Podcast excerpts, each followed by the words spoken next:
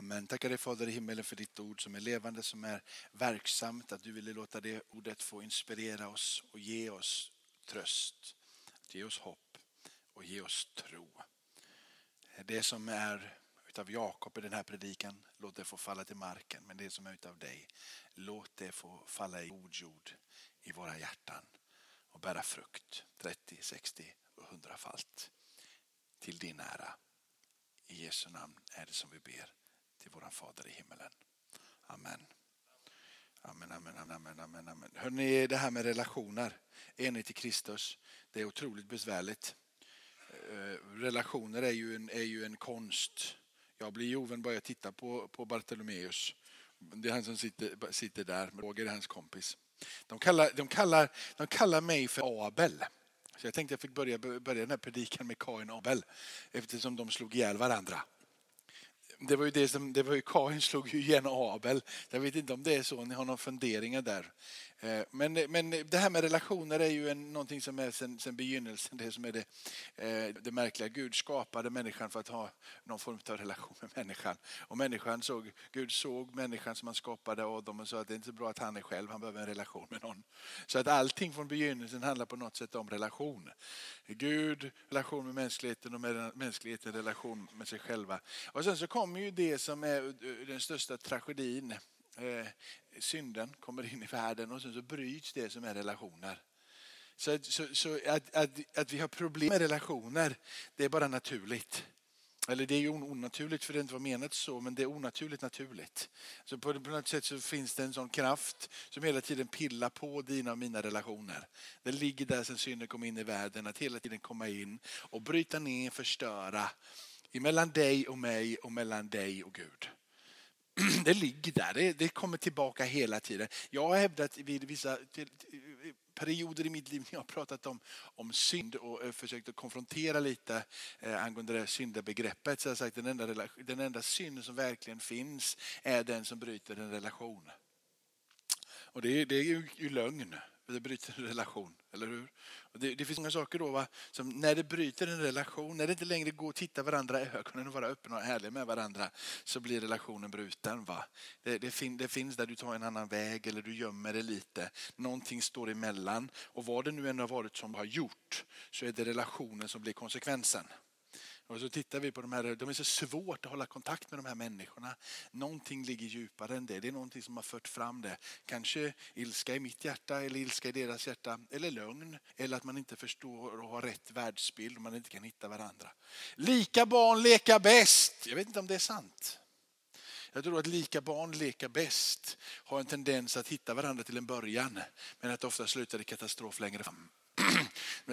Det är inte så att man, man, man, för att man ska fungera i den här världen behöver tycka och tänka likadant. Jag tror att risken är att om man tycker och tänker likadant kan sluta med att man faktiskt tävlar mot varandra. Homogena grupper, är det svaret på världens problem? Alla tycker och tänker likadana. Homogena grupper brukar sluta som sekter homogena grupper där du inte får tycka vad du vill och jag inte får tycka vad jag vill. Utan vi ska tycka lika för annars splittras det. Sluta gärna med att man faktiskt, enda man gör är att stå axel mot axel mot alla andra i världen. Poliser som homogena grupper har en tendens att alltid vara emot de kriminella. Och de kriminella har en tendens att som grupp alltid vara emot poliser. Man hittar sin homogena grupp och man hittar den platsen. Det blir vi mot dem. Så hur vi än vänder och vrider så är det alltid då att du hittar ett speciellt fack och så blir vi en homogen grupp och sen så landar du i den här homogena gruppen och allting är så bra. Men jag tror att det finns en kraft och den kraften den heter korset. Och den kraften som finns i korset den för alla människor till den platsen där vi alla borde vara och eh, alla kommer slutligen få vara. Drivna in där han får vara den som sammanlänkar och sammanflätar allting. Jag tror inte att du och jag blir bättre vänner i grund och botten för att vi tycker lika och vi dricker kaffe tillsammans. Jag tror inte på det i grund och botten. Det är, det är ett substitut för det som var den djupaste meningen med relationen från början. En ande, Guds ande, in i alla människor för att sammankopplas med varandra bortanför åsikter, hudfärg, ögon, eh, Eh, bortanför allting som är det synliga, det fysiska. En sammanflätning tillsammans med han som är ande, evige, oförgänglige och så vidare. Våran Gud själv. Kristus Jesus blir så svaret. Så här står det i Fesebrevet. Om du orkar, kan, vill, slå upp din bibel.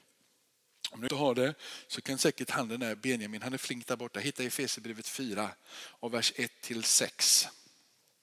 Efesierbrevet kapitel 4, vers 1 i snitt. Han får 10 sekunder på sig. En, två, Bra. Kapitel 4, vers 1-6. Nu behöver du inte ens slå upp det för nu har han löst det. Då vet vi det. I framtiden så tar det ungefär fem sekunder från det att jag säger att vi har en bibeltext. Så kan vi mäta om han är snabbare eller saktare nästa gång.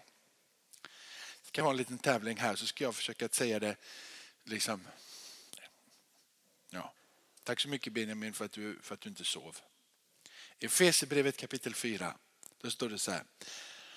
Jag har rubrik i min bibel, jag vet inte om du har det, men rubriken i min bibel här, det har de skrivit i, den är kommit, det är ju, finns ju inte, i, i, finns ju inte ens liksom meningar och, och, punkter och det finns ju ingenting. Utan, men meningen, eller rubriken här hjälper mig. Det står enhet i Kristi kropp. ibland så är de här rubrikerna ganska vettiga och bra och ibland så, så förstör det sammanhanget. Men jag tycker den här är bra. Enhet i Kristi kropp. Paulus säger, jag uppmanar er därför, jag som är en fånge i Herren, att leva värdigt den kallelse ni har fått. Jag tycker, att jag, jag tycker det är jobbigt. Hur, hur, hur vet jag att jag lever värdigt den kallelse som jag har fått? Och jag, jag, jag, tänker på, jag tänker på Josef till exempel. Josef som är en av stamfäderna till Israel. Jakob har tolv söner. Dessa tolv söner blir stamfäderna. Ja, Josef växer upp i den här familjen och blir bortskämd utav, eh, eh utav sin pappa. Så han blir lite fisförnämnd och lite speciell. Och de andra elva bröderna gillar inte Josef. Så de, när, när, när tiden kommer försöker få han, kastar han i en brunn. Han blir såld som slav in i Egypten och den första av Israels folk som landade som slav i Egypten. Eh, från att från början ha hamnat ja, uppåt och neråt och fram och tillbaka och så slutade med hungersnöd och så kommer alla dit. Men det som händer är ju att dessa bröder inte gillar Josef.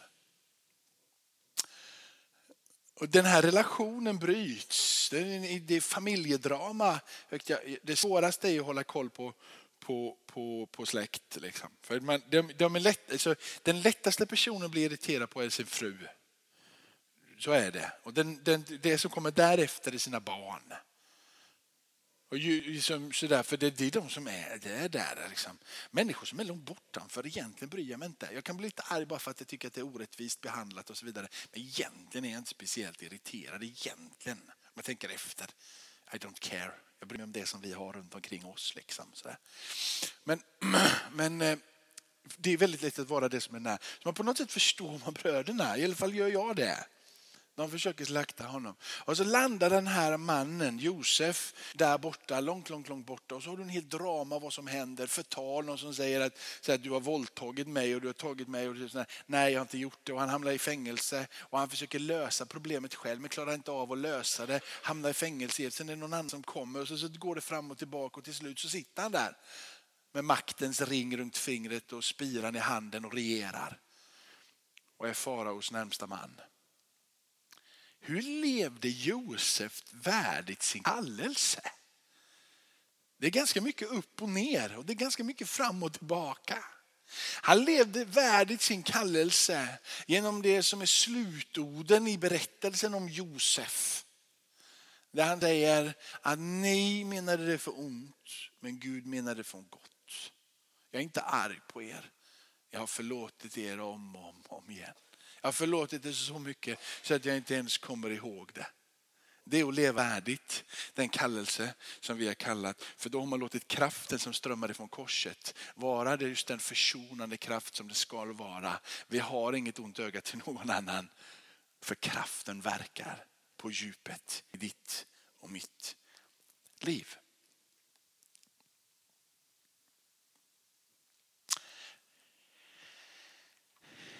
Om ni säger värdigt en kallelse så är det återigen det är någonting de har fått.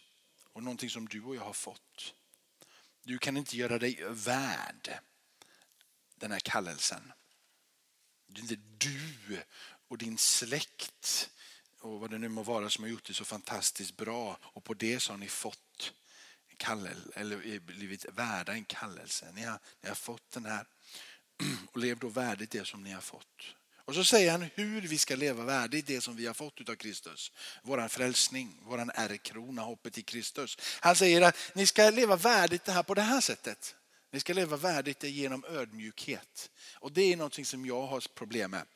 Eh, jag sjöng en sång, för, jag brukar göra det ibland för att reta barnen för de tycker så tramsigt när jag sjunger. Jag sjunger, det är inte lätt att vara ödmjuk när man är felfri som jag. Jag längtar så hem till min spegel, jag blir vackrare för varje dag. Och alla som ser mig vill ha mig. Då var det ett av mina barn som sa så här, sjöng ni den i kyrkan när du var barn? Jag gjorde inte det, men det var väldigt roligt sagt i alla fall. Men lite kan det vara så där. Vi, vi tävlar ju till och med i kyrkan om vem som är snyggast och bäst. Den ena kyrkan är bättre än den andra och den ena kyrkan är sämre än den andra. Vad är det att vara ödmjuk?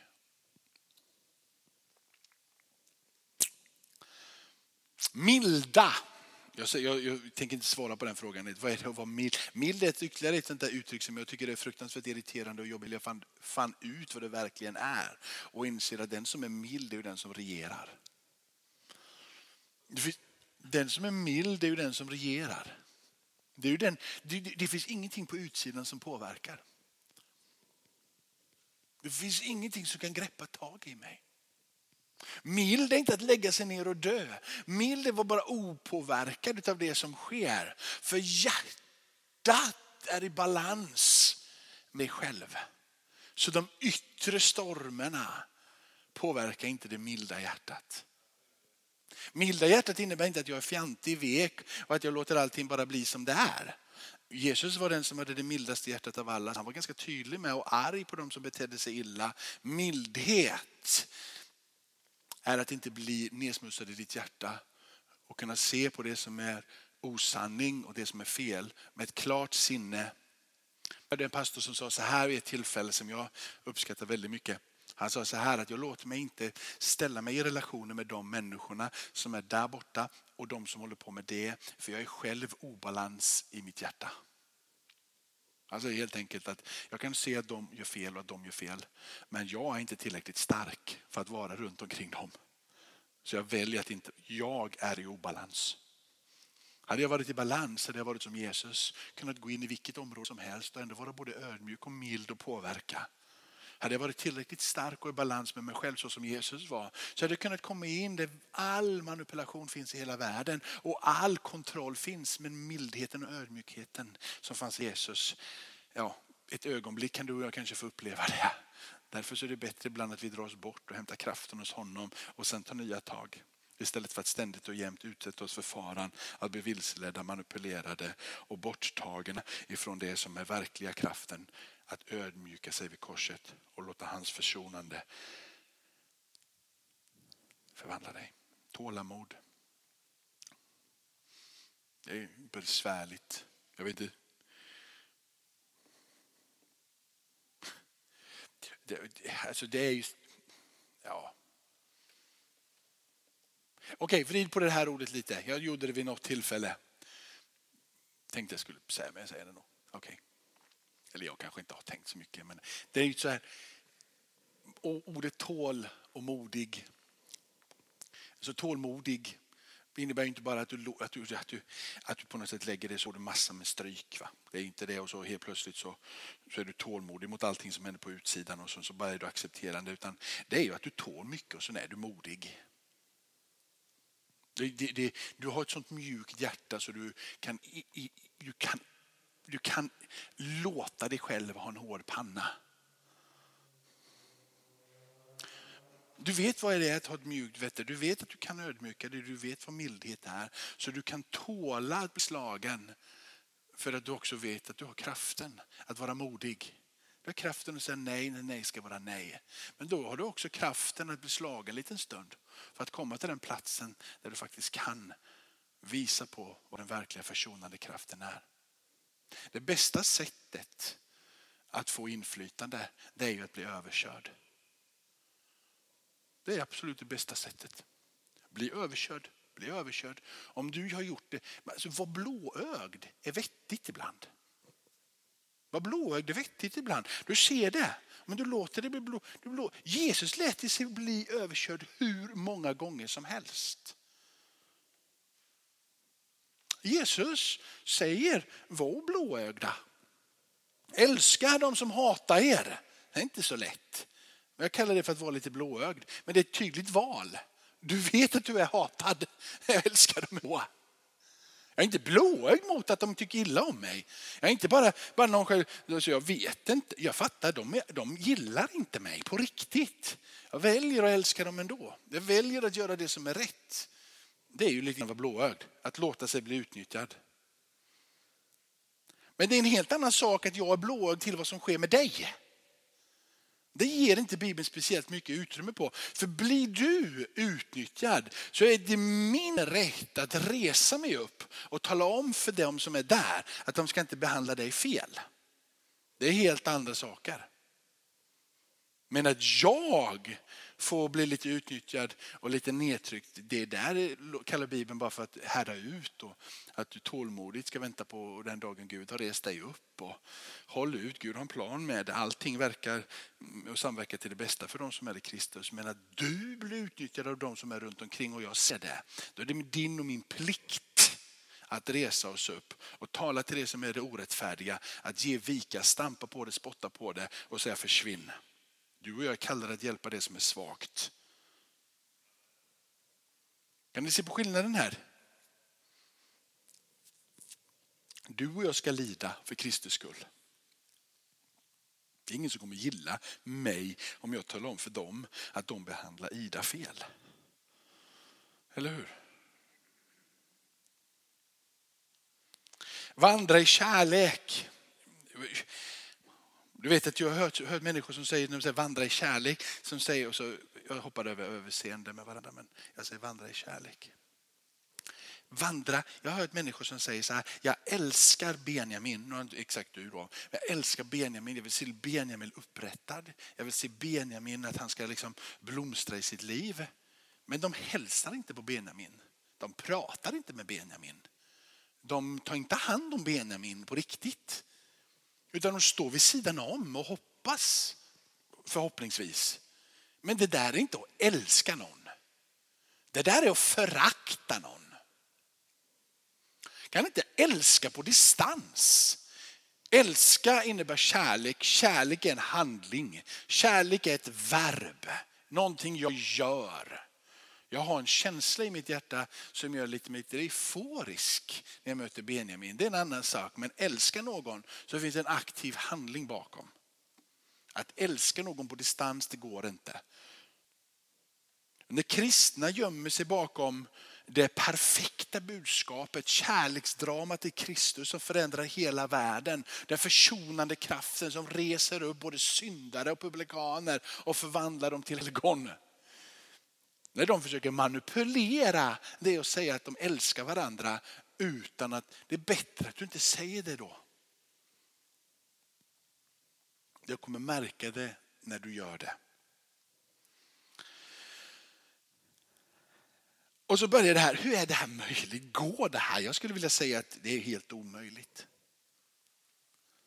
Var ivriga att bevara andens enhet genom fridens band. Jag skulle vilja säga att det är omöjligt utan Gud. Det är en kropp, en ande. Du och jag hänger ihop Roger. Det är vad Bibeln säger. Bibeln säger du klarar det inte utan mig, jag klarar det inte utan dig. Lika lite som du klarar det utan din ena fot och jag klarar mig utan mina. Vi behöver varandra, det är det Bibeln säger. Därför hör vi ihop andens djupa gemenskap. En sammanlänkning mellan dig och mig och vetskapen om ditt och mitt fullständiga behov av varandra. En ande bor i dig, bor i mig. Ett hopp. Det är inte fyra Jesus som har dött på korset, det är ett Jesus, eller en Jesus och det är ett hopp. Det är en Herre, vers 5. Det är en tro, det är ett dop. Det är en Gud som är allas fader, han som är över alla en Gud som är allas fader. Allas fader. Han är genom alla och han är i alla.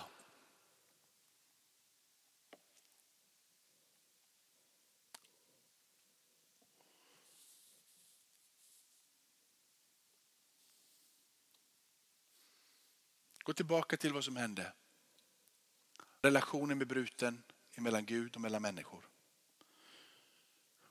Brustna relationer är en del av din och min vardag. Vi har lärt oss att leva med det. Motkraften till det, det ligger i korset. Enheten och bevarandet av varandras värdighet ligger i ödmjukhet. Bevarandet av varandras värdighet din värdighet och min värdighet ligger i att vi ödmjukar oss, är milda, tålamod, att vi har överseende med varandra, att vi vandrar i kärlek. Där ligger din och min och borde ligga din och min självbevarelsedrift. Att ständigt igen komma tillbaka till korset. Vi säger här en Herre. En. Om du har fått en tro Bernt och jag har fått en tro Bernt så är det samma tro vi har. Ett dop det är inte 15 olika dop. Katolska kyrkan har ett dop, ortodoxa kyrkan har ett dop och pingstvännerna har ett dop. Det är ett dop. Det är inte, det är inte delat dop. Ett dop. Var, samma sak händer alla gånger för det är ett dop. Lika mycket som det är en tro, det är en Herre. Den uppfattningen av att vi är separerade från varandra ska, för mig så är det tydligt. När, när jag förstod kraften i enhet och förstod att det inte beror på hur mycket vi fikar och spelar fotboll tillsammans eller hur många gånger vi åker på, på läger tillsammans. Även om det kan vara trevligt. Vi åker på läger och vi tycker att vi är en homogen grupp och vi trivs med varandra. Det ska man göra. Men det bygger inte Kristi enhet. Kristi enhet är mycket, mycket större än allting av vad mänsklig gemenskap är. Och när jag första gången greppade det på riktigt och blev förvandlad på min insida på det var när jag, för, några, för några år sedan, jag vet inte hur många år sedan, säkert tio år sedan nu. Eller ännu mer kanske. Det. när var, när var, när var vad heter det, OS i Peking? Skitsamma, men låt säga att det är tio år sedan. Något år innan det skulle vara OS där så började Kina manipulera med Nepal. Och 2008, ja det är tio år sedan, och sen så var det några år innan då. Ja, det, tiden går. Men vi säger att det var 15 år sedan. Då höll Kina på med Nepal. De alltid höll på med Nepal. Och då, men då reser sig hela världen upp. För detta lilla sketfolk. De är inte speciellt många. De har en hög aktning för Nepal och det är vackert och folk har pratat mycket om det. Men det är inget stort rike. Det är ett litet land med lite pengar, har inte speciellt mycket. Kina är ett stort land med en miljard människor. De skulle fullständigt kunna köra över Kina Världen reser sig upp och säger så här, sluta pilla på Kina för ett sketet OS skull. Vi kommer inte, vi är inte med på OS om ni fortsätter greja på det här. Det är vad som skedde bara för då 15 år sedan, eller vad det nu är, liksom är i tiden.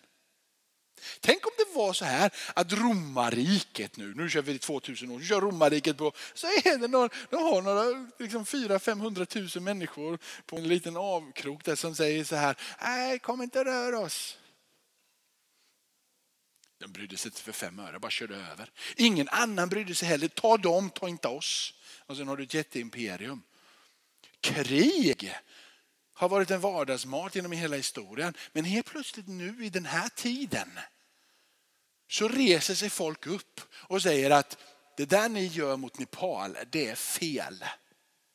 För mig är det korsets kraft som verkar.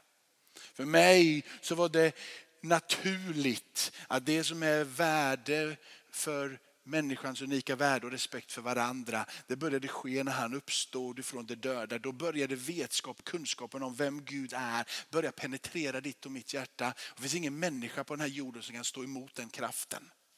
Vet ni att innan korset var det naturligt att döda? Det var som att det är krig hela tiden. Genom hela gamla testamentet det är bara krig, det är krig, det är krig. Inte ens Gud sätter upp för krig. Utan Gud säger till och med att det är okej att kriga. Men från den dagen han dör på korset och han uppstår ifrån de döda så är det inte längre naturligt att springa runt och döda varandra, vara arga på varandra, slå varandra, manipulera varandra, förtrycka varandra. Från den dagen han uppstod ifrån de döda så fanns all kraft att bryta varje diktatur och varje orättvisa på hela jorden. Varför? För att det är enheten Kristus en Herre, en tro, ett dop, en ande, en Gud, en fader som är över alla, han är genom alla och han är i alla. Och allt folket sa Amen. Nu, jag pratade oavbrutet och knappt andas i 25 minuter. Jag tänkte jag fick skynda på lite för vi brukar ju predika kort. Jag ber Fader i himmelen